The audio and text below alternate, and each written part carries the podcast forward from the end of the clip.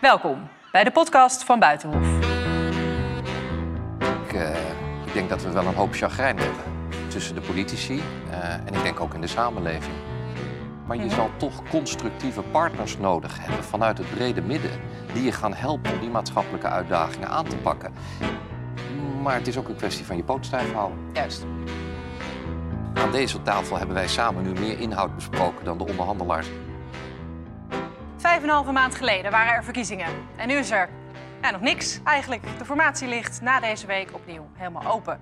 Partijen zouden wel kunnen formeren, zei informateur Mariette Hamer deze week. Maar ja, ze doen het niet. Hoe nu verder? Aan tafel D66-leider Alexander Pechtold. Oud Pechtold. D66. Oud. Ik zeg het helemaal verkeerd. Dankjewel. Um, ja, ik, zei net, ik had het net over de informateur. We zagen deze week een uh, bijna boze Mariette Hamer. Herkent u die boosheid? Ja, en u zei zojuist ook in uw inleiding, we hebben helemaal niets. Hmm. Ik, uh, ik denk dat we wel een hoop chagrijn hebben tussen de politici uh, en ik denk ook in de samenleving. Want ja. er zijn genoeg uitdagingen waar een antwoord op moet komen. Een politiek antwoord, een, een maatschappelijke sturing. En dat is er ook niet. Ja, een van de antwoorden die zij uh, opperde was een minderheidskabinet. D66, VVD, CDA. Is dat een Ja. goed idee?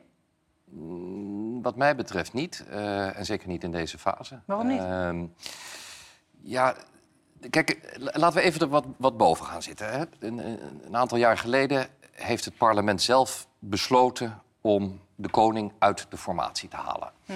Eh, ik stond erachter en ik sta daar nog steeds voor de volle 100% achter. Maar dat geeft alle partijen, in dit geval 18 of 19, hoe je wil rekenen als meneer Omtzigt ook voor zichzelf begint, de dure verplichting om niet alleen de verschillen bij elkaar te zoeken, maar vooral het compromis weer te sluiten.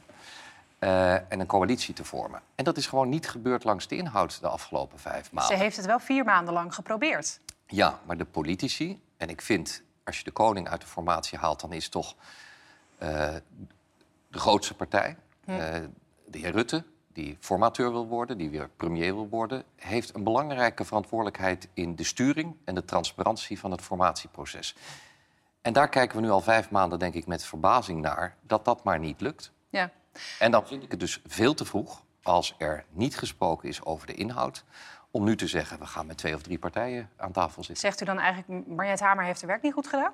Nee, want ik heb ook formaties meegemaakt, bijvoorbeeld onder leiding van, eh, van Edith Schipper, die, of van Herman Tjenk Willink, die wel een belangrijk onderdeel van het proces vormen. Ja. En zoals Tjenk Willink altijd zegt, formeren is faseren. Ik heb er ook over zelf op geparafraseerd, formeren is ook dineren. Je Ja. moet elkaar ook persoonlijker Dat leren deed u een kennen. aantal jaar geleden, ja.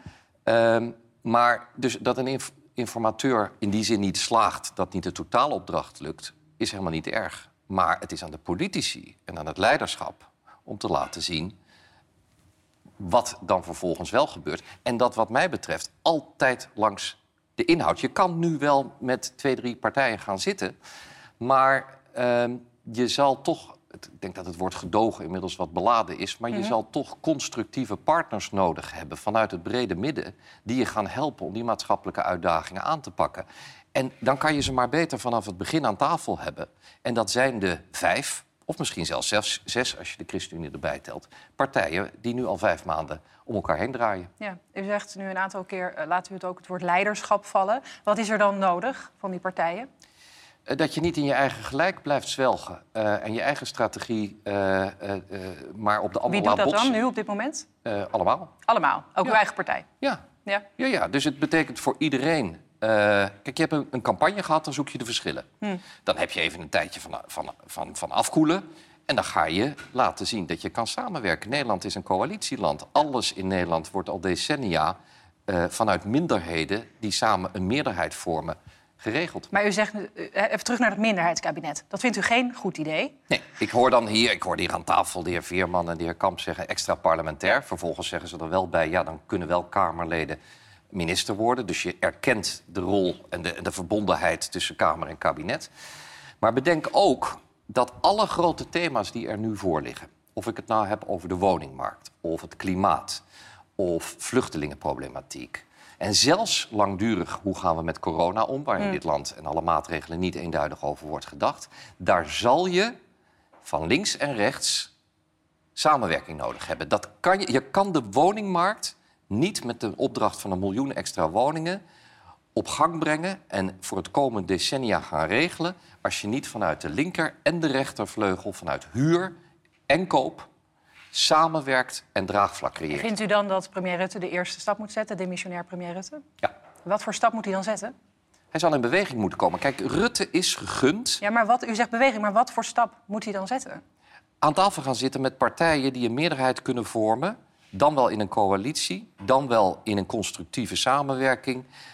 Met het doel vier jaar te blijven zitten en continu te werken aan die nieuwe opdracht. Ik gooi even nog één opdracht bij.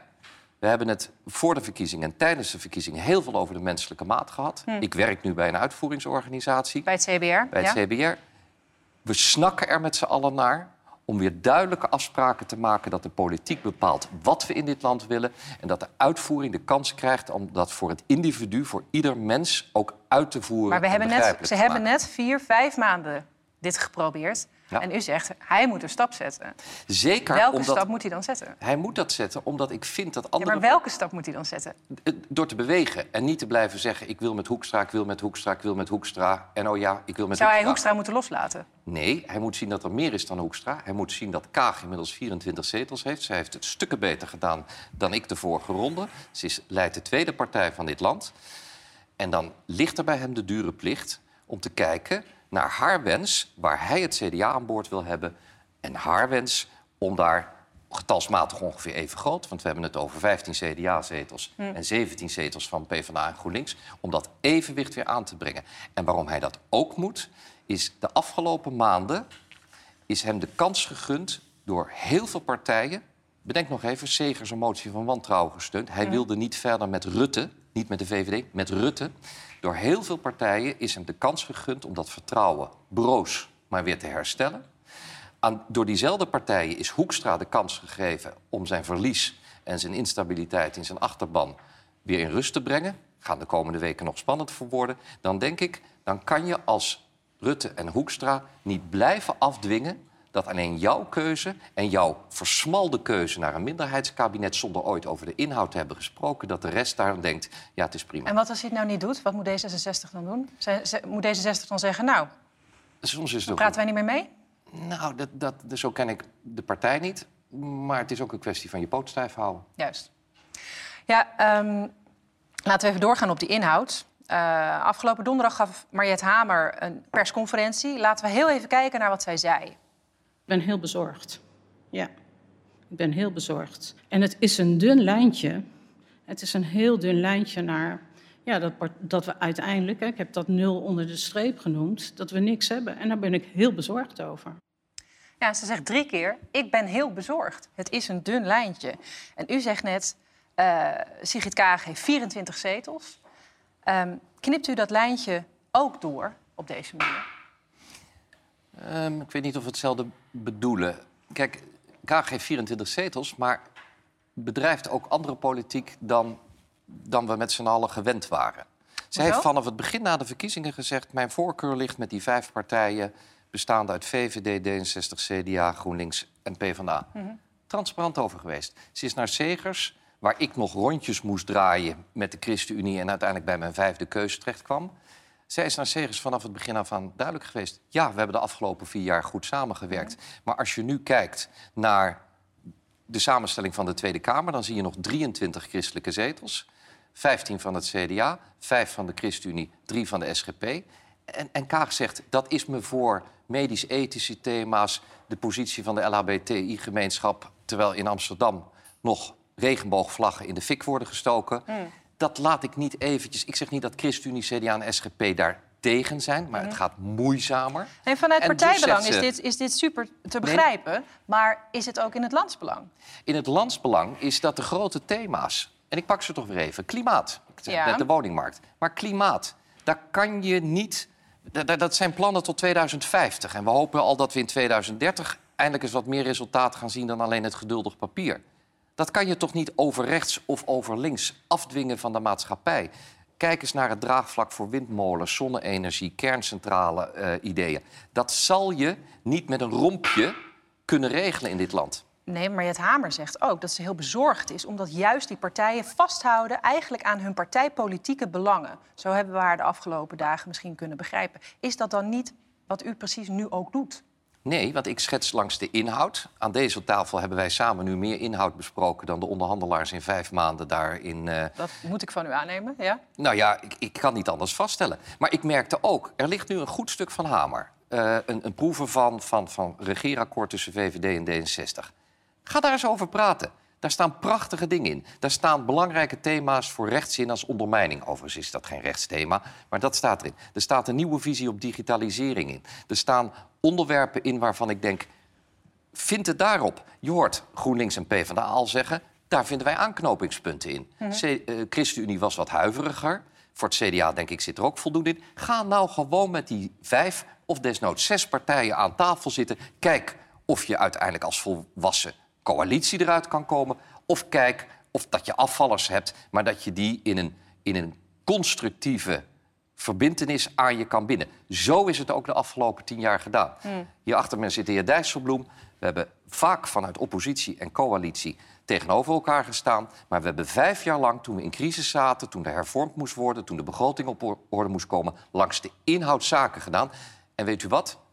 de kiezer, het publiek, de samenleving, wij allemaal waardeerden dat ook nog. Ja, laten we even kijken, want formeren is niet alleen faseren of dineren. Het is ook persoonlijke relaties. Dat bleek deze week ook wel. Um, die zijn al sinds april best wel problematisch. Laten we heel even kijken naar wat uh, D66-leider Sigrid Kaag toen zei tegen Mark Rutte. En hier scheiden onze wegen. Uh, want in de politiek en het leven heeft een mens hopelijk goede gezondheid, maar het grootste goed is de individuele integriteit. Ja, is hiervan terug te komen? Ja, want het, kijk, ik denk nog steeds, en ik begin me er zo langzamerhand niet alleen over te verbazen, maar te irriteren, dat Kaag werd eerst maanden weggezet, terwijl ze al vier jaar ervaring heeft als minister, als van nou, dat is een soort nieuwkomers, kijken hoe ze het kan doen. Ik vond dat vrij denigrerend. Nu blijkt gewoon dat ze open is, dat ze transparant is, dat ze spreekt over nieuw leiderschap. Dat kan ze niet in haar eentje. Hm. Ja, misschien een volgende keer als ze de grootste partij zou kunnen worden. Maar zij, zij is bereid naar anderen te, te luisteren. Ze schrijft mensen niet af. Ze probeert keer op keer die inhoud voorop te zetten. Maar ze durft ook tegen Rutte te zeggen wat, wat iedereen op dat moment die op de bank zat dacht. Hm. Ja, Rutte, nou heb je toch wel een, een, een, een krasje op je blazoen. Ga daar eens even een, een, antwoord op formuleren. Daar heeft ze hem de ruimte voor gegeven. Bedenk wel, op hetzelfde moment ging Segers nog op de persoon een motie van wantrouwen. Daar horen we met z'n allen niks meer over. En terecht, want ik vind dat je... Is dat zo? Horen we daar niks meer over? Nou ja, in ieder geval, Segers is weer een, een kandidaat. Hm. En zegt zelf nu niet. Maar dat, dat is politiek. Het is inderdaad, u zegt dat terecht, ook mensenwerk. Maar investeer dan ook in elkaar. Ja. Is dit vertrouwen nog te herstellen? Bent u daar positief over? Ik ben altijd een optimist. Dat is een hele mooie afsluiting. Mag ik u bedanken voor uw tijd.